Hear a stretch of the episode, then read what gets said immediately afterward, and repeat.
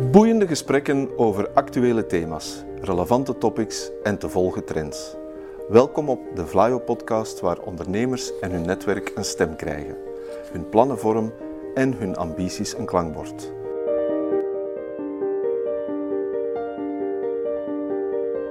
To the point waar het kan, dieper gravend waar het moet. Inspirerend, informerend, ondersteunend. Van artificial intelligence, blockchain en circulaire economie tot digitale zorg. Wij knopen het in jouw oren.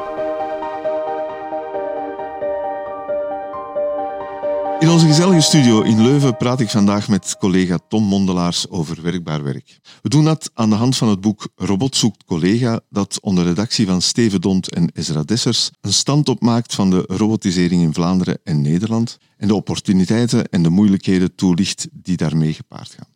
Welkom Tom. Dag Werner, fijn om hier te zijn. Ik wil deze podcast graag met een citaat uit het boek beginnen. Op pagina 158 aan het eind van het boek lees ik en binnen de Vlaamse Industrie 4.0 proeftuinen was eerder al aandacht voor mens-machine interactie, leertechnieken en digitale businessmodellen. En met de lancering van de nieuwe proeftuin Industrie 4.0, Technologie voor werkbaar werk, in het voorjaar van 2022, is een belangrijke stap voorwaarts gezet. Tegelijkertijd fijn en bevreemdend om jezelf in dit boek tegen te komen, niet? Kan je ons wat meer vertellen over die recente proeftuin, Tom? Ja, absoluut. Uh, wat, gaan we daar doen eigenlijk? Um, we laten bedrijven zien hoe ze met technologie, typische industrie 4.0 technologieën, digitale werkinstructies, uh, cobots, lichtprojectiesystemen, exoskelet, het gaat eigenlijk vrij ver, hoe ze daarmee hun medewerkers kunnen ondersteunen en meer werkbare jobs creëren, zowel op cognitief vlak, mentaal vlak, als op fysiek vlak. Waarom doen we dat? We hebben gezien, we zijn al een tijd bezig vanuit Flyo uh, met proeftuinen voor de industrie om, om technologieën te demonstreren aan bedrijven om hen daar rond te sensibiliseren en eigenlijk uh, aan te zetten om zelf ook die investeringen te doen. En wat merken we, ook in, ook in interactie met uh, de technologieaanbieders, uh, de onderzoekscentra, waar loopt het mis? Ehm, waar loopt het vaak spaak? En dat is ook de rode draad waarin het boek dat we nu gaan bespreken, is eigenlijk die menselijke factor. Van het moment dat je mensen op de werkvloer, dat je die niet, niet volledig mee hebt om bepaalde technologieën te gaan omarmen, dan lukt het gewoon niet. Dus dat is echt de sleutel tot, tot succes. En eigenlijk, werkbaar werk is daarvan de overtreffende trap. We gaan hen niet alleen laten zien dat wij hen willen betrekken bij het implementeren van technologie. We gaan nog een stap verder door te laten zien dat dankzij die technologieën, eh, die vandaag al beschikbaar zijn, die vandaag al te koop zijn, dat we daarmee onmiddellijk een positieve impact kunnen hebben op hun, op hun welbevinden in hun job. Ja. Dus dat is eigenlijk de, de insteek van, uh, van die proeftuin. Die wordt uitgevoerd door vier projectpartners. Dat is nog wel belangrijk om toe te voegen. Okay. Flanders Make, Sirius en IMEC. Echte kennisinstellingen met een vergaande technologie-expertise. En zij maken eigenlijk de koppeling met een vierde projectpartner, en dat is HIVA, het Sociaal Onderzoeksinstituut van de KU Leuven. En zij koppelen eigenlijk inzicht uit sociaal onderzoek. Uh, alles wat te maken heeft met arbeidsorganisatie, technologieacceptatie, dat soort zaken. Zij koppelen dat aan de modernste state-of-the-art technologieën. En dat is vrij uniek. Je zou misschien denken dat is logisch, maar in, in de voorbereiding van die proeftuin en ook in gesprekken achteraf met specialisten merken we dat dat een heel unieke benadering is. En we merken ook de weerslag daarvan, het afgelopen jaar alleen al, de aandacht die we krijgen vanuit verschillende invalshoeken de events waar we mogen gaan spreken, de uitnodigingen die zich eigenlijk Mhm. aandienen. Dus een ja, geeft topic, echt aan, ja. voilà, absoluut. Dat geeft echt aan dat we daarmee op een piste zitten die we, die we verder willen uitbouwen. Nu, het project loopt nog tot eind volgend jaar, eind 2024. Dus ja, we, we zijn nu volop bezig, of de projectpartners tenminste, om de eerste resultaten naar buiten te brengen en ja, zoveel mogelijk bedrijven te bereiken met dat verhaal.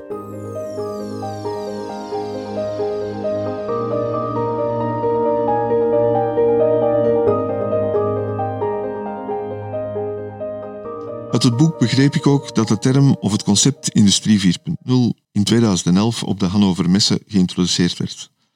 Twaalf jaar later stond jij daar voor Vlaio van op diezelfde beurs te vloggen.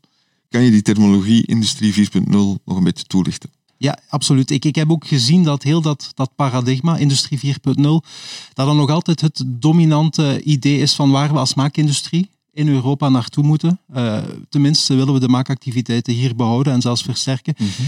Het idee gaat over uh, datagedreven werken zoveel mogelijk. Niet alleen binnen een fabriek, maar ook doorheen heel de keten. Van de toelevering, de interactie met toeleveranciers, tot en met de interactie met de eindklant. Dan raak ik bijvoorbeeld een thema aan zoals digitale servitisatie, wat ook in het boek uh, aan bod komt. Dus heel die, heel die flow van data die mogelijk wordt dankzij meer uh, laagdrempeligere, goedkopere technologieën, sensoren die betaalbaarder worden, cloud-platformen die beschikbaar worden voor dataverwerking, visualisatie, mhm. analyse. Dat soort zaken dat toch meer en meer binnen handbereik van bedrijven komt te liggen, maakt eigenlijk heel die, die evolutie mogelijk. En dan interessant om, om meteen de, de cirkel rond te maken van waar staan we vandaag. We zijn eigenlijk tien jaar na de introductie, of meer dan tien jaar van, de, van dat gegeven Industrie 4.0, kunnen we nog niet zeggen dat we absoluut al uh, heel dat paradigma in heel de breedte van de industrie mhm. hebben omarmd. Integendeel zelfs. Uit verschillende enquêtes en onderzoeken blijkt dat bedrijven echt nog belangrijke stappen te zetten. Dat zelfs de helft van de KMO's nog niet in, in de prille, de eerste fase staat van die, van die hele evolutie. Um, en wat kan mogelijk helpen om, om, de, om die cirkel wel, wel te gaan sluiten, om daar toch echt een, een versnelling in te brengen? Ja, is eigenlijk een, het nieuwe concept, wordt ook heel sterk door de Europese Commissie naar voren geschoven, dat is Industrie 5.0. Okay. En dan gaat er eigenlijk om dat we die technologieën, Industrie 4.0 is echt een technologisch gedreven verhaal, dat we het eigenlijk gaan opentrekken en dat we gaan zeggen, oké, die technologieën, allemaal goed en wel, maar louter die economische impact, moeten we ook gaan kijken naar de maatschappelijke impact. en die technologieën moeten een positieve impact hebben op het menselijk kapitaal, het werkbaar werk en ook op de duurzaamheid. Zaken zoals circulaire economie, energiebesparing, die worden allemaal mogelijk. Die worden allemaal voor een stuk gefaciliteerd net door die data te gaan capteren uit processen, te zien waar liggen de winstmogelijkheden. Bijvoorbeeld in, in, in KMO's in Vlaanderen ongelooflijk hoeveel duizenden euro's zij verliezen jaarlijks Dus eigenlijk infrastructuur die er is, die ze niet monitoren. En waarvan je eigenlijk weet, als je dat wel gaat doen en je gaat die lekken dichten, dat je echt een, een enorm besparingspotentieel gaat, gaat aanboren. Dat zijn zaken die eigenlijk allemaal aan belang winnen heeft ook te maken met de recente energiecrisis. Eh, ze worden noodgedwongen, dus met de neus op de feiten gedrukt. Maar het is eigenlijk heel dat eh, bewustzijn naar, naar die maatschappelijk toegevoegde waarde. Dat is een, belangrijke driver net voor meer, uh, het meer omarmen van dat Industrie 4.0 verhaal, denk ik. Want het is inderdaad bij de vaststelling van de robotisering in Vlaanderen en Nederland ligt nog aan de lage kant dat het boek vertrekt. En dan de, de dingen die jij nu verteld hebt, een beetje aangeeft van welke stappen moeten we dan nemen om dat te doen, om dat te realiseren. En dat is inderdaad meer dat mensgerichte aspect. Blijft de vraag, waarom hebben we robots überhaupt nodig? Absoluut wel. Hè? Kijk, ik, ik, ik, geef een aantal uh, redenen waarom het interessant is voor bedrijven um, om in te zetten op robotisering. En ze doen dat tot op zekere hoogte. Er is nog een enorm potentieel. Als het gaat over cobots, je gaf al aan, die uptake op dit moment zit rond de 4,6 procent. Komt in het boek naar voren. Maar ze voorspellen in 2026 al dat dat verdubbeld zal zijn. Dus zit, zit wel in de lift. Um, waarom? Waarom zou een bedrijf investeren in, in robotisering, cobotisering? Je hebt de krapte op de arbeidsmarkt. En dat is ongetwijfeld een belangrijke mhm. driver in zaken automatisering. We hebben minder beschikbare mensen.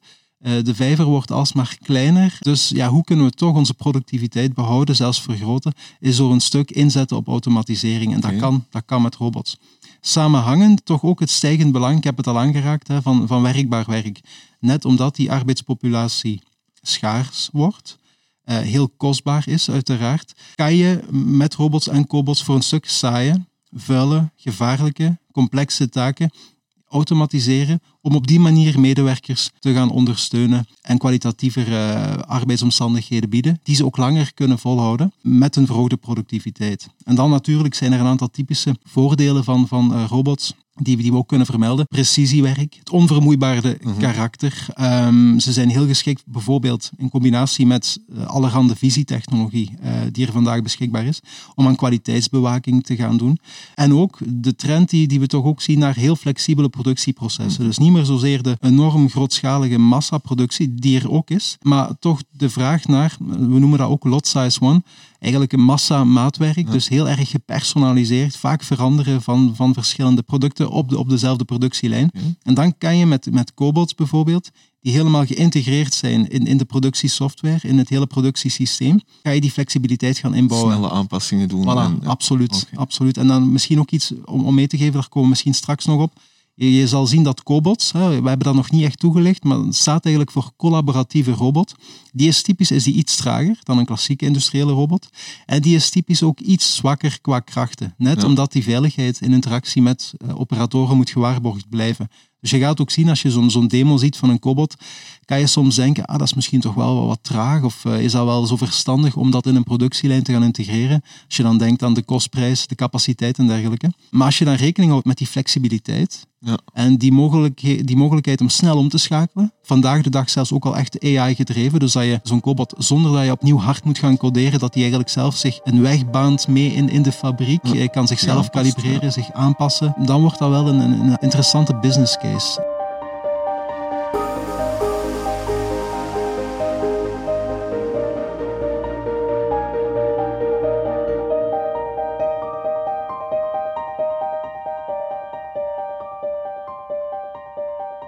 kan je de vraag omdraaien, dat doen de schrijvers in het boek ook, van hoe komt het dan dat het zo traag op gang komt? Want de prijzen van de robots of cobots beginnen toch systematisch te dalen. Wat houdt ondernemingen tegen om die stap te zetten? Dat is waar dat de proeftuin dan om draait. Maar wat zijn de remmende krachten voor iets wat dan vrij logisch is? We moeten kijken naar de, verschillende types van ondernemingen. Het gaat niet voor elk bedrijf, uh, gaat, niet dezelfde redenen hebben om, om niet te investeren in, in robotisering internationaal, als je kijkt naar de grote beursgenoteerde bedrijven, een fenomeen waar ze op wijzen, en waar, waarschijnlijk ook wel terecht, is die opkomst de laatste decennia van de zogenaamde share buybacks, dus aandeleninkoopprogramma's. Wat wil dat zeggen? In plaats van aandeelhouders van bedrijven mee te laten delen in de winst door dividenden uit te keren, zoals typisch aandeelhouders vroeger gewaardeerd worden voor hun bijdrage, gebeurt dat meer en meer door aandelen door het bedrijf zelf eigen aandelen terug te kopen en te vernietigen. Om op die manier de intrinsieke waarde van hun aandelen te laten stijgen en dus ook de beurskoers. Dus het is eigenlijk een manier om, om de aandeelhouders extra te verwennen. Maar wat gebeurt er? Ze, ze nemen een stuk van hun beschikbare cashflow weg, die ze anders in productieve investeringen kunnen besteden. Dus door dat te doen, is er minder geld om bijvoorbeeld in automatisering eh, te steken. En de auteurs van het boek wijzen er inderdaad op dat dat een van de belangrijke redenen is dat, dat we daar toch internationaal een, een, een slowdown, een vertraging zien in robotisering en automatisering. Dat is wat betreft die, die beursgenoteerde bedrijven. Misschien interessant als we meer kijken naar onze lokale context, de KMO's. Dan zien we de complexiteit. we hebben het al aangeraakt, die krapte op de arbeidsmarkt. Het vergt ook een pak kennis en expertise om een robotiseringsproject tot een goed einde te brengen. Veel bedrijven hebben niet de juiste mensen in huis. Ze vinden zeker ook niet de juiste mensen op de krappe arbeidsmarkt. En er is sowieso een gebrek aan stemprofielen. Dat is, dat is een, een probleem. En dat probleem wordt, lees ik ook in, in, in, de, in de kranten de laatste weken, alleen maar acuter. Een tweede uitdaging is de kostprijs. De return on investment, om het zo te zeggen, dat blijft en terecht een leidend principe voor bedrijven alvorens ze technologieën gaan, gaan implementeren, cobots, robots. En als je dan kijkt naar cobots, die zijn typisch zijn die goedkoper dan traditionele robots. Je hebt al voor 10.000, 15.000 euro een cobot, maar die aankoopprijs is maar een fractie van de totale prijs van zo'n project. Daar komt veel meer bij kijken. Haalbaarheidsstudies, de impact op de rest van de organisatie, eventuele opleidingen, trainingen. Dus dat verhaal is echt wel vrij complex en dat, dat merken we ook uh, vanuit Flyo als ik dan kijk naar de Industrie 4.0 proeftuinen, die, die return on investment, dat is echt een, een, een soort hurdle uh, waar bedrijven dus, dus toch tegenaan lopen. Ja. En waar dan bijvoorbeeld eventuele implementaties op, op vastlopen. En die, die feedback die, die hebben we ook teruggegeven naar onderzoeksinstellingen, waar we via projecten uh, steun aan geven. En ze nemen dat nu ook actief mee in hun dienstverlening naar bedrijven. Dus ze gaan niet alleen technologieën ontwikkelen en daar advies rond geven. Tegelijkertijd zien we meer en meer die aandacht ook in de sensibilisering. Ja. Uh, via de projecten die we steunen rond return on investment. Van hoe ga je dat berekenen? Dat een bepaalde investering misschien wel uh, interessant is om, om te doen. En een derde, ook wel belangrijk, hangt een beetje samen met mijn eerste uh, suggestie, is de flexibiliteit. Je ziet dat het heel veel moeite kost, nog vaak, om een technologie te gaan herprogrammeren. Ik heb het dan niet alleen over robots en cobots, ik heb het ook over digitale werkinstructies, allerhande technologieën. En in, in veel KMO's schrikt dat toch af van oké, ik kan een bepaalde technologie kopen, maar stel nu ik krijg volgende week of een andere vraag voor een ander product, er is een andere trend, dan moet ik wel zien dat mijn organisatie daarop ingesteld is om heel snel die machines te kunnen herprogrammeren om, om die nieuwe producten te maken. Vergt ook kennis en expertise. En dat is ook niet evident. Het mooie wel is, ik, ik was onlangs ook op Hannover Messen, je ziet daar heel die beweging naar het vereenvoudigen van technologieën. Dus Als het gaat over programmeren van robots en cobots, heb je die tendens naar skill-based programming. Dus waarbij je hoeft daar geen geschoolde programmeur meer voor te zijn, maar je kan, een operator kan op basis van intuïtieve uh, zaken, op, door het bijvoorbeeld voor te doen en, en de robotarm zelf te bewegen en de beweging eigenlijk te initiëren, kan je al een stuk gaan programmeren, om het zo te noemen. Dus het wordt eenvoudiger en eenvoudiger gemaakt om die technologieën te gaan zelf uh, tunen in functie van, van de behoeften. En ik verwacht, die beweging gaat zich sterk doorzetten. De fabrikanten weten ook van oké, wij kunnen wel cobots en robots verkopen, maar we weten ook dat, de technici hier niet zijn om die te gaan implementeren. Um, we moeten ze zo, zo, zo hands-on en zo praktisch mogelijk uh, maken eigenlijk, ja, het is in hun eigen voordeel om, om daar rekening mee te houden. Dus, dus die trend die is echt wel, uh, ik verwacht er wel een shift de komende jaren. Wat eigenlijk ook een stukje aansluit, vind ik, bij, bij het tweede hoofdstuk dat over werknemersparticipatie gaat. Waarom sluit dat erbij aan? Omdat het met change management te maken heeft ook. Uh, we hebben recent een podcast gehad in deze reeks uh, rond het ADKAR-principe. Wat staat voor awareness. Die is er ondertussen wel, of die is toch aan het groeien. Uh, desire, het verlangen om te veranderen, dat moet in de organisatie zitten. Daar denk ik dat nog heel veel op moet gewerkt worden. En dan natuurlijk ook de knowledge en de availability van nieuwe dingen om, om ermee aan de slag te gaan. Het is vooral, denk ik, rond die desire dat werknemersparticipatie zou kunnen helpen of moet helpen om het ook meer mensgericht te maken. Goh, dat klopt absoluut. En ik denk dat je voor een stuk hier ook bedoelt dat de noodzaak om bepaalde technologieën te gaan omarmen, die moet heel duidelijk zijn voor de gebruikers. En je mag niet de, de technologie om de technologie, dat is, dat is absoluut geen kader om, om tot een succesvolle implementatie te Mensen komen. Mensen moeten begrijpen waarom. Voilà. In, in tegendeel zelfs zou ik zeggen, of versterkend zelfs, ze zouden bijna zelf vragende partij moeten, moeten worden zijn. om het te gaan implementeren. Dat wordt in, in het boek komt dat echt absoluut tot uiting. Ik loop misschien op de feiten vooruit, maar Robot zoekt collega, die titel, Eigenlijk zou ik zelfs verder gaan. Uh, niet per se robot zoekt collega, maar robot krijgt pas betekenis op het moment dat er een, menselijke collega. collega. hem ook echt in die zin aanvaardt en wil gebruiken. En dat geldt voor al, al die technologieën. Dus een robot heeft collega nodig, meer dan andersom. Dat vind ik een heel interessante boodschap. Zeker in de huidige context waarin we zitten met ChatGPT, de opmars van AI. Mensen schieten in een kramp van de technologie die we, die we niet meer kunnen volgen. Onze jobs gaat afnemen. Dit is eigenlijk een, een heel ander verhaal, wat ik toch wel interessant vind, inspirerend ook om daar naar te kijken op die manier. En dan gaat het, als je het over die samenwerking hebt, hè, want dan zou je de titel ook kunnen omdraaien, collega zoekt robot, dat is wat jij suggereert. Dat mensen zelf de nood aangeven om te gaan investeren in robotisering, wat het dan ook is. Dat kan ook een, uh, een ander soort technologie zijn dan, dan een cobot. Hoe pak je dat dan aan? De auteurs reiken een paradigma aan, de participatiehexagon heet dat, om die werknemersparticipatie uh, op te starten. Hoe ziet dat er precies uit? Dat is eigenlijk vooral een, een heel praktische tool, hè, want het is gemakkelijk gezegd, hè, werknemersparticipatie, maar, maar, maar het klopt inderdaad. Hoe ga je dat vormgeven in de praktijk? Hoe ga je dat uitrollen? Er zijn ook verschillende aspecten. En in het boek komt eigenlijk een, een schema aan bod uh, om, om dat gestructureerd te kunnen doen, om er ook voor te zorgen dat je, dat je niks over het hoofd ziet. Ik zal ze kort even vermelden. Je hebt dan die hexagon, dus het bestaat uit, uit, uit zes aspecten mm -hmm. die je allemaal samen of in meer of mindere mate kan omarmen uh, als bedrijf. Ten eerste de vorm. Hè. Wie neemt er deel aan de participatie? Ga je dat rechtstreeks doen?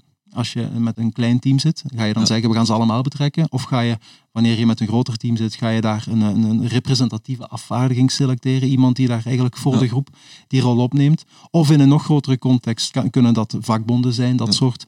Dat, dat, is, dat is een eerste relevante vraag. Hoe ga je nadenken en, en die participatie in, in, termen van de vorm, hoe ga je die ten uitvoer brengen? Dan is er ook uh, het niveau. Dus uh, wie zal de, de, innovatie vooral raken? Gaat het over de hele organisatie? Is het één specifiek team? Is het één individuele werknemer? Dus eigenlijk de scope van wat gaan we hier doen qua ja. technologie en hoe gaat die eigenlijk onze organisatie in meerdere of mindere mate raken?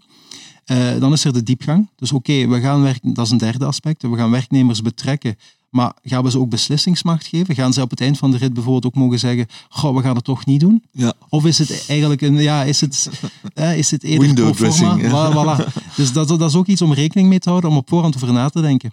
Dan ook de fase. In welke fase van die technologie-implementatie ga je die participatie organiseren? Ga je dat doen op het eind van de rit? Zeg van, kijk, we hebben hier een nieuwe Cobalt gekocht, hij staat daar, we gaan eens allemaal komen kijken. Dat is helemaal op het eind van de rit en niet per definitie uh, aan te raden. Integendeel, de auteurs raden aan, in dit soort processen, begin daar eigenlijk al heel vroeg mee. Niet alleen, ehm, zelfs niet op het moment dat je de technologie gaat identificeren, maar op het moment dat je naar de noden gaat kijken. Van wat hebben wij hier eigenlijk als team nodig eh, om bepaalde taken beter te kunnen uitvoeren. Dus echt, echt zo vroeg mogelijk betrekken. En dan is er nog het aspect bereik. Ah, oké, we gaan die technologie implementeren. Welke weerslag heeft dat op andere betrokkenen eh, die, die mogelijk daar ook door geraakt worden? Eventueel klanten, eventueel toeleveranciers, collega's. En dan een laatste is de timing. Het hangt een stukje samen met, met de fase. Maar gaat eerder over, oké, wanneer ga ik exact die, die participatie ga ik die, mhm. eh, organiseren? Stel nu je gaat voor het, selectieproces van een technologie, de beslissing moet gemaakt worden, ga je dan wachten eh, tot de keuze is gevallen of bijna is gevallen, of ga je echt al op, in een, heel, op een heel vroeg moment proberen te betrekken? Dat staat eigenlijk, staat eigenlijk daarop. Nu, eh, dat overzicht, die hexagoon, is heel handig om die participatie aan te pakken zonder blinde vlekken. Nog een waardevolle oefening vind ik persoonlijk is het omkeren. Eh, invert, inverteren. Bijvoorbeeld, in dit geval kan je dan de vraag stellen, hoe kan je een bepaalde technologie op een zo slecht mogelijke manier introduceren in je bedrijf? Ik heb dat onlangs gedaan. Ik zat in zo'n workshop. We gingen nadenken over augmented reality. Je kan daar heel interessante dingen mee doen als het gaat bijvoorbeeld over digitale werkinstructies. En de vraag was toen eh, voor de groep, schrijven ze allemaal een, een aantal zaken op op een, op een post-it van wat zou je kunnen doen om het vooral niet meer werkbaar te maken? en ja, dat is heel schitterend. Je kan dan echt zo de slechte kanten van, van, van jezelf even bovenhalen. Daar kwamen zaken als van, je zou bijvoorbeeld in, in zo'n augmented reality bril, zou je kunnen laten zien een aftelklok, zodat die, die medewerker onder stress gezet wordt om een bepaalde taak af. Of je zou dus, kunnen, bij elke fout zou je boetes kunnen geven, zodat hij ziet van, en dan ziet hij in zijn ooghoek van hoeveel, van, van zijn loon gaat. Ja, dat soort zaken. Dat was heerlijk om te doen, maar ook heel waardevol, omdat net door dat om te keren, krijg je ook een heel duidelijk zicht op, ja, wat, wat wil je eigenlijk dan weer wel? Hè? En, en dat is ook wel een waardevolle oefening als het gaat over technologie. En een tip die ik misschien afsluitend zou meegeven aan bedrijven, laat je daarbij begeleiden. Uh, er, er, zijn gespecialiseerde dienstverleners, ook fabrikanten, gaan daar tot op zekere hoogte al, al in mee. Ik had op Hannover Messe een gesprek met een, een, fabrikant van software voor augmented reality ondersteuning. En die zei van ja, wij verkopen dat niet meer uh, as such. Daar zit impliciet zit daar altijd een, zit daar een traject bij, een change management traject, omdat dat zo belangrijk is. Dus ik zou ook zeggen aan bedrijven, laat dat inderdaad door iemand in, in handen nemen die daar ja, van facilitatie en zo wat, wat, wat kaas gegeten heeft. Dat is echt wel belangrijk.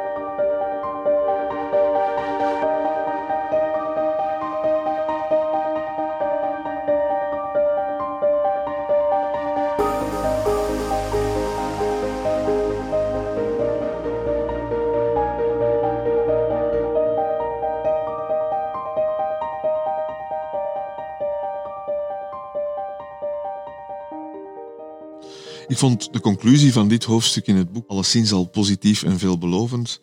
Werknemers zijn niet per se tegen verandering. Waar ze zich tegen verzetten is veranderd worden. Ze willen er actief bij betrokken zijn. Dat vond ik wel mooi. Ja, absoluut.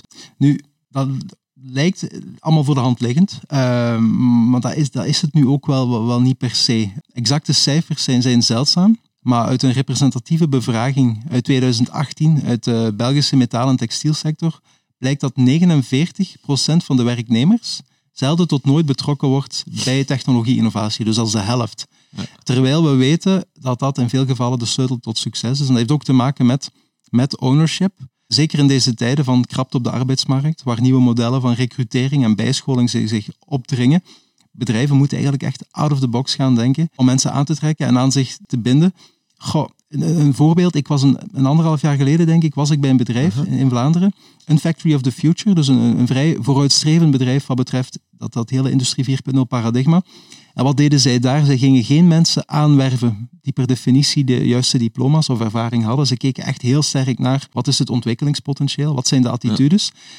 En die mensen, dat vond ik mooi om te zien, zonder een, een, een, noemenswaardige studieachtergrond of dergelijke, daarin werd wel onmiddellijk heel veel geïnvesteerd. Dus die werden letterlijk op het vliegtuig gezet, twee weken naar het buitenland overgevlogen, naar een fabrikant van een machine. En zij kwamen terug als experten van die machine. En die machine, dat was hun machine. Dus dat idee van ownership, verantwoordelijkheid over dat aspect van de productie, dat, dat werd daar heel sterk doorgedreven. Dat vond ik mooi om te zien en dat is, daar, dat is echt een mooi voorbeeld daarvan, waar het hier over gaat, die, partie, die betrokkenheid. Ik zie meteen een linkje naar een ander hoofdstuk, waar het gaat over wat zijn die digitaliseringsskills, wat is digitaliseringskennis, waarbij de auteurs zeggen, dat gaat veel verder dan gewoon weten hoe een softwarepakket werkt. Dus ze gaan één stap verder. Die digitale skills op het moment dat je ook weet hoe je kan ingrijpen op het product of op de technologie. En dat is wat jij nu net illustreert met... Ja, absoluut zo. En ze geven in, in het boek ook een aantal interessante voorbeelden waaruit blijkt dat dat echt wel een must is. Echt een belangrijke sleutel tot succes. Bijvoorbeeld een woonzorgcentrum dat eigenlijk veel bezig is met innovatie en continu uh, met incrementele stappen vooruit uh, zetten. Uh, die teams hebben echt die, die mindset ontwikkeld om na te denken over verbeteringen. En ze willen van de klassieke papieren data-invoer van patiëntengegevens, ja. willen ze eigenlijk naar een meer geautomatiseerde variant gaan. En het management koopt daarvoor een kant-en-klaar softwarepakket aan. Dat wordt in, in, initieel wordt dat met open armen ontvangen, maar na een tijdje wordt dat al meteen verlaten, omdat dat veel te rigide is. Daar kan niks aangepast worden. Het verzorgend personeel vindt daar zijn weg niet in, wordt totaal niet gebruikt. Nu, werd die, die technologie nu helemaal uh, aan de kant geschoven? Nee. En dat is wel interessant om te zien. Wat bleek dat er wel goed was? Ze konden daar, mooi, ze konden daar foto's mee maken. Uh, en daar wat tekst bij, bij toevoegen. Dus ze konden op die manier complexe wondzorgbehandelingen gaan documenteren en delen met elkaar. En dat is eigenlijk op een andere manier, was initieel totaal niet bedoeld, maar op die manier werd die technologie dus wel omarmd. En een tweede voorbeeld eh, is ook dat ze hun taken heel makkelijk met dat systeem konden gaan timen en plannen hun werk. En dat is ook iets wat bijna door iedereen gebruikt ging worden. Ook niet initieel bedoeld. Maar dus ja, je ziet daar die interactie. Het zijn daar ook weer de mensen die vanuit hun eigen ervaring, vanuit hun noden, eigenlijk de technologie hebben bekeken en gezegd van we gaan het op die manier gebruiken. En een tweede interessant voorbeeld was, je gaat geen kant-en-klare software kopen, maar je gaat voor een stuk vragen aan softwareaanbieders uh, om, om iets te gaan implementeren, configureren op maat van, van jouw noden. En je gaat meteen ook een van de medewerkers de kans geven om dat pakket te leren, om daarmee te kunnen werken, om dat eigenlijk verder af te stemmen. Uh, en het voorbeeld dat ze dat daarbij koppelen gaat over een onderhoudsafdeling van een, uh, van een, van een productiebedrijf, die initieel vooral een oplossing wilden opnieuw om, uh, als ze een tour deden, inspectie in het machinepark, gericht op het onderhoudsplan, het preventief onderhoud, in plaats van alles op papier te zetten, de stand van zaken wat betreft een aantal parameters die ze in de gaten houden, om dat allemaal digitaal te gaan doen. En wat zag je? Net door het feit dat ze zoveel ruimte hadden om dat systeem verder te ontwikkelen, zijn ze vanuit die initiële behoefte veel verder doorgegroeid. Ja, ze zijn op betere ideeën. Voilà, in plaats van eenrichtingsverkeer van het invoeren van parameters, hebben ze er ook voor gezorgd dat ze feedback krijgen van, van die EDA, van die handheld, van, van die toepassing, ja. wanneer er ergens een, een defect opdook, dat ze een verwittiging kregen. Dus dat ze eigenlijk ja, er veel meer mee zijn gaan doen dan, dan oorspronkelijk bedoeld, net omdat die ruimte er ook was.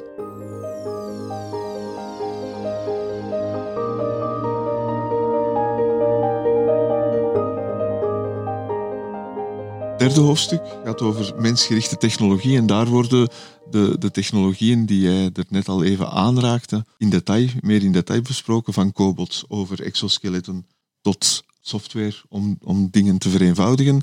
Misschien moet je er één uitkiezen die, die, die tot de verbeelding spreekt om, om, om wat meer toe te lichten. Ja, oké. Um, het zijn allemaal zowel die, die, digitale werkinstructies die aan bod komen. Dat is een voorbeeld van cognitieve ondersteuning, uh, als de cobots als de exoskeletten zijn relevante technologieën.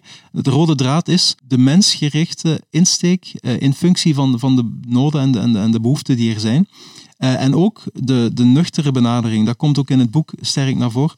Er niet van uitgaan dat het enkel een goed nieuwsshow is. Maar dat er ook echt wel aandachtspunten zijn waar je rekening mee moet houden. Als ik nu bijvoorbeeld kijk naar digitale werkinstructies, om, om één voorbeeld te noemen. Dat is een technologie met een enorm potentieel om de juiste informatie op het juiste moment bij een operator te krijgen. Maar er zijn belangrijke aandachtspunten op het niveau van de individuele medewerker. Uh, bijvoorbeeld dat het systeem ook de leercurve volgt. Ja. Iemand die één of twee keer een volledig proces ondersteuning krijgt via een tablet of een smartphone of een smartglass, dat is fijn. Maar als je de derde keer ook weer bij het handje genomen wordt, ja, dan ga je irriteren. En je wil misschien sneller werken. Dus, en, en je merkt ook, daar wordt nu al op ingespeeld. Je krijgt oplossingen die toch net meer interactie mogelijk maken, die je even aan de kant kan schuiven, die je enkel geopend of gebruikt wanneer jij ze nodig hebt. Dus heel, die, heel dat, dat veld is sterk aan het ontwikkelen. Bovendien, en dat is ook een belangrijke, het aanmaken van al die instructies. Dat kost handenvol tijd, is, is waanzinnig om te doen. Je, je zou ervan verschieten hoeveel technologieën er op die manier aangekocht worden en eigenlijk onbenut blijven, omdat, omdat bedrijven eh, productiemedewerkers, verantwoordelijken er tegenop zien om dat te gaan herprogrammeren, ja, te configureren. De veranderingen die dan plaatsvinden. Maar ook op dat vlak zien we dat er enorm veel verandert. Met Flyo ondersteunen onder andere een Cook-project. Uh, DIW voor manufacturing, dus uh, digitale uh, werkinstructies voor, voor manufacturing. Wat gaan we daar eigenlijk doen? En het werkt al. Ik heb vorige week een demo gezien. Heel interessant. Vanuit CAD-modellen die er zijn, dus de, de technische tekeningen van bepaalde producten, je gaat die invoeren, die worden geconverteerd naar afzonderlijke instructies. Dus het systeem gaat op basis van het eindproduct, waarvan alle technische tekeningen beschikbaar zijn, bepalen van op die en die en die manier zouden wij die, die constructies, uh, die instructies opbouwen. En die kunnen dan automatisch vertaald worden naar een smartphone, naar een augmented reality bril onafhankelijk van het, van, van, het platform. Dat is een enorme tijdsbesparing um, en ja, een enorm potentieel. Dus ik zie daar ook heel veel veranderen in positieve zin. En wellicht artificiële intelligentie die daar ook op gaat spelen op termijn om dingen te leren. Ongetwijfeld, ongetwijfeld. Een ander thema dat je al aanraakt, dat ook in het boek ter sprake komt, is de veiligheid. Misschien toch een van de dingen waar mensen wat angst bij hebben, of wat schrik van hebben, van wat, wat gaat dat doen in onze omgeving? Zo'n kobold die daar wat ligt rond te rijden. De wetten van Asimov zijn ondertussen 75 jaar oud en zijn misschien nog wel van toepassing op robots in de automatisering, in de pure fabrikageproductie. Maar de auteurs komen met nieuwe wetten af. Uh, dat klopt. Misschien even heel snel dus, uh, even zo een overzichtje geven. Die Asimov, eh, die, die wetten, was eigenlijk een science fiction auteur, maar ook een professor in de biochemie. Maar die had inderdaad vanuit zijn fascinatie voor science fiction waarschijnlijk die, die, die wet opgesteld. De wet 1 was, een robot mag een mens geen letsel toebrengen. Uh, of door niets te doen toelaten dat een mens letsel oploopt. Tweede wet, een robot moet de bevelen opvolgen die hem door mensen worden gegeven, tenzij deze in strijd zijn met de eerste wet. En dan de derde wet tenslotte, een robot moet zijn eigen bestaan beschermen, zolang deze bescherming niet in strijd is met de eerste of de tweede wet. Nu, wat sowieso al problematisch is, zeker vandaag de dag, is dat er bij Asimov geen enkele klassificatie van robots is. Vandaag we, we hebben te maken met stofzuigrobots, uh, grasmaaierrobots, industriële robots, cobots, volledige productiesystemen die autonoom functioneren, chatbots, drones, noem maar op. En daar is dan nog eens door artificiële intelligentie een hele lage complexiteit bovenop gekomen. Waarbij er ook een stuk autonomie bij de technologie is komen te liggen. Dus je zit vandaag met cobots die eigenlijk niet meer enkel door mensen worden aangestuurd of robots, maar die ook voor een stuk autonoom beslissingen en ook de ruimte voor zullen krijgen, meer en meer, om autonoom te gaan fungeren. Net om dat hele industrie 4.0 paradigma mogelijk te maken. En een belangrijke vraag is, hoe ga je daarmee om? En ook een nuance die, die ook in het boek naar voren komt, niet onbelangrijk, er gaan stemmen op vanuit de fabrikanten zelf, van, onder andere vanuit Universal Robots, een, een, een Deense fabrikant van, van cobots, om de veiligheid, om daar niet in door te schieten. Ja. Er is sinds 2016 is er een framework, een ISO-framework, uh, waaraan de veiligheidseisen eigenlijk uh, worden afgetoetst van cobots. Die te ja, heeft te maken met kwetsuren als er interacties zijn tussen, tussen mensen en, en cobots. En die zijn erop gericht om ervoor te zorgen dat er geen enkele mogelijkheid is dat mensen gewond geraken in interactie met een cobot. Nu, Specialisten wijzen erop dat die eigenlijk veel te streng zijn. Dat we daar de toleranties eigenlijk een beetje losser zouden moeten laten om economisch rendabel te kunnen zijn. Dat zijn allemaal zaken die, die, die naar boven komen. En de auteurs van het boek die komen nu met een eigen kader. Mhm. Eh, wat er eigenlijk op neerkomt dat de mens in de fabriek altijd centraal geplaatst moet worden. Zowel bij het gebruik van cobots als bij de inrichting van de cobot-werkplek mensen zo vroeg mogelijk in het traject betrekken en zeker bij alle keuzes die een impact hebben op de veiligheidssituatie. En daarna geven ze ook expliciet mee, moet je aanvaarden als bedrijf dat er eigenlijk geen absolute regels zijn. Je zit met een nieuwe technologie die nog volop evolueert. Kijk hoe snel het gaat op AI-vlak. En dat vraagt wel een mindset van continue evaluatie en bijsturing, indien nodig. En waarbij je als bedrijf ook niet uh, jezelf gaan, mag verstoppen achter regelgeving, want je, je loopt op die manier per definitie achter de feiten aan. Met hoofdstuk 6 tenslotte, dat over digitale servitisatie gaat, zijn we weer bij die Flyo proeftuinen van jou aanbeland, Tom. Een mooie cirkelbeweging hebben we dus gemaakt, maar wat is dat in gewone mensentaal, digitale servitisatie?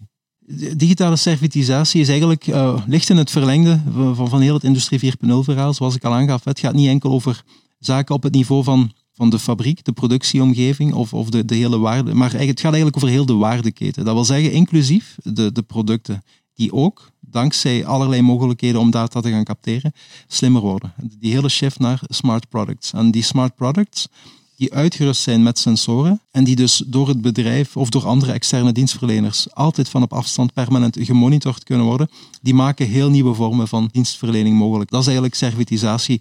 En dat is eigenlijk het, as-a-service verhaal. Eh, wat ook de, hele trend naar meer circulariteit, naar meer duurzaamheid kan ondersteunen. Waarbij je als fabrikant bijvoorbeeld ook intrinsiek meer gemotiveerd bent om producten te gaan ontwikkelen die een hele lange levensduur hebben.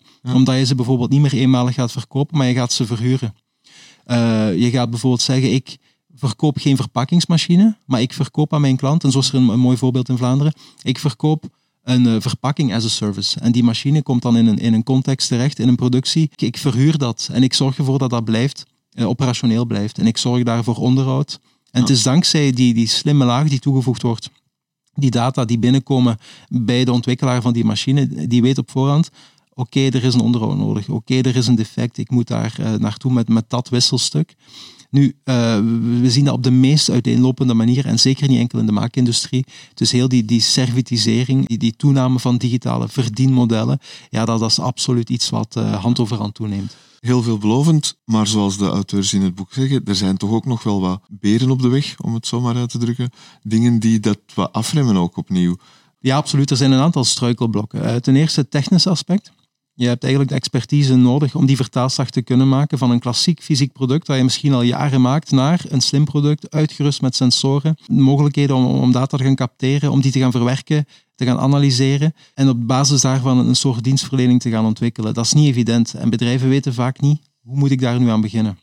Dan is er het financiële. Je kan die inspanning doen om die nieuwe verdienmodellen te gaan ontwikkelen, die producten te gaan ontwikkelen. Maar de vraag is, hoe ga ik daar geld aan verdienen? Zijn mijn klanten, zijn die bereid om daarvoor te betalen? Verwachten ze misschien dat dat eigenlijk vandaag de dag meer en meer logisch wordt? Dat er een bijkomende digitale servicelaag bovenop het product komt te liggen? Wordt dat, dat een beetje aanvaard als zijnde normaal? Dat is belangrijk om in te schatten, om, om te kijken van kan je daar een winstgevend businessmodel op enten? Wat hier kan helpen, is dat je het risico zo laag mogelijk houdt. En wat, op zich interessant is, daar is de kosten voor ontwikkeling, dat je die in de initiële, in de prille fase, dat je, dat je die kan absoluut beperken. En dat is ook wat we hebben gedaan, onder andere met, met de proeftuin, de Industrie 4.0 proeftuin rond digitale servitisatie. Daar hebben we laten zien aan bedrijven hoe kunnen ze nu snel een proof of concept bouwen om een idee te valoriseren. Door met, met, met sensoriek te werken, door met, met datavisualisatie te werken, dashboarding.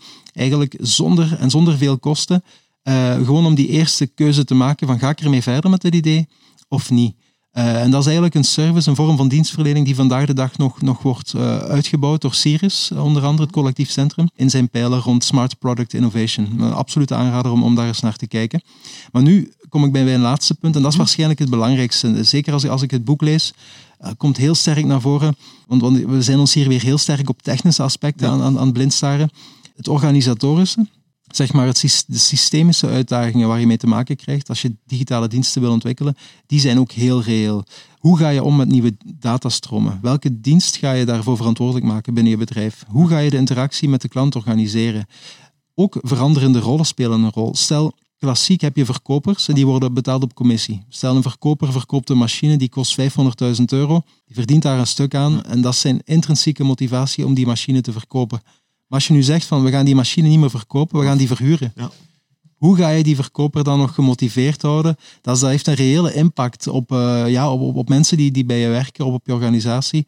Hoe ga je daarmee om? Met, met dat soort zaken denken we vaak niet in eerste instantie aan, maar die wegen misschien nog zwaarder door als je heel die transformatie wil gaan uitbouwen. En zeker, ik geef nu het voordeel, voorbeeld van een verkoper, ja. die salesafdeling, dus die mensen die in directe interactie staan met klanten, zij zijn eigenlijk vaak best geplaatst om input te geven voor digitale verdienmodellen. Net omdat zij weten wat de behoeften zijn, wat de vragen zijn die ze krijgen. Zij zouden eigenlijk heel direct moeten staan bij ja, deze ontwikkeling. Dus de boodschap is betrekken bij het voilà. uitdenken van uw businessmodel. Ja. Absoluut, ja. En dus komen we bij de conclusie van, van de hoofdstukken, misschien wel het boek. Dat is dat die robots ons mensen nodig hebben, collega's nodig hebben. De robot zoekt collega voor mij, je hebt het er straks ook al aangehaald, is ook een stukje dat. Willen ze geaccepteerd worden en echt ingezet worden om een meerwaarde te bieden, dan zullen ze eigenlijk geëngageerd moeten worden door de mensen zelf die ermee moeten samenwerken.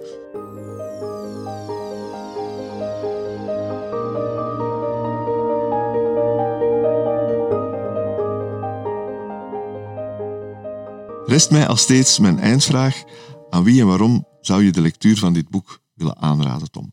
Ik zou dit eigenlijk, gegeven de actualiteit, zou ik het aan iedereen aanraden die zich zorgen maakt over technologie, de vooruitgang op vlak van technologie en de impact daarvan op onze, op onze samenleving en economie.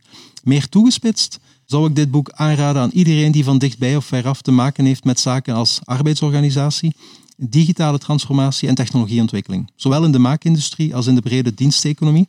Ik vind het absoluut van belang dat technologieontwikkelaars, managers en productieverantwoordelijken zich terdege bewust zijn van die menselijke factor. Uit Nederlands onderzoek blijkt dat 70% van de beoogde digitale transformaties die, die vastlopen, dat dat gebeurt door het menselijke aspect, dus niet door de technologie. Nu, je kan dat zeggen en dan knikt iedereen, knikt iedereen ja, maar dat is nog iets anders dan ook echt met, met die wetenschap aan, aan de slag gaan. Ik heb, ik heb zelf dat gevoel dat we ons nogal snel blind staren op indrukwekkende technologische mogelijkheden. Ja, dat we voorbij gaan. Voilà, absoluut. Ik, ik was onlangs nog, zoals ik al zei, op Hannover Messen. Je kijkt echt gewoon je ogen uit als je ziet wat er vandaag allemaal kan. Het is gewoon super indrukwekkend. Maar ik denk dat we ons niet mogen vergissen. En misschien zit het grootste en zeker het meest onderbenutte potentieel echt wel aan die menselijke kant. De betrokkenheid van medewerkers, de wisselwerking vanuit teams met technologie, dat soort zaken. Heel erg bedankt Tom voor jouw gepassioneerde uitleg over dit onderwerp. Wellicht zie ik jou binnenkort nog eens in onze studio voor een podcast. Graag gedaan, tot later.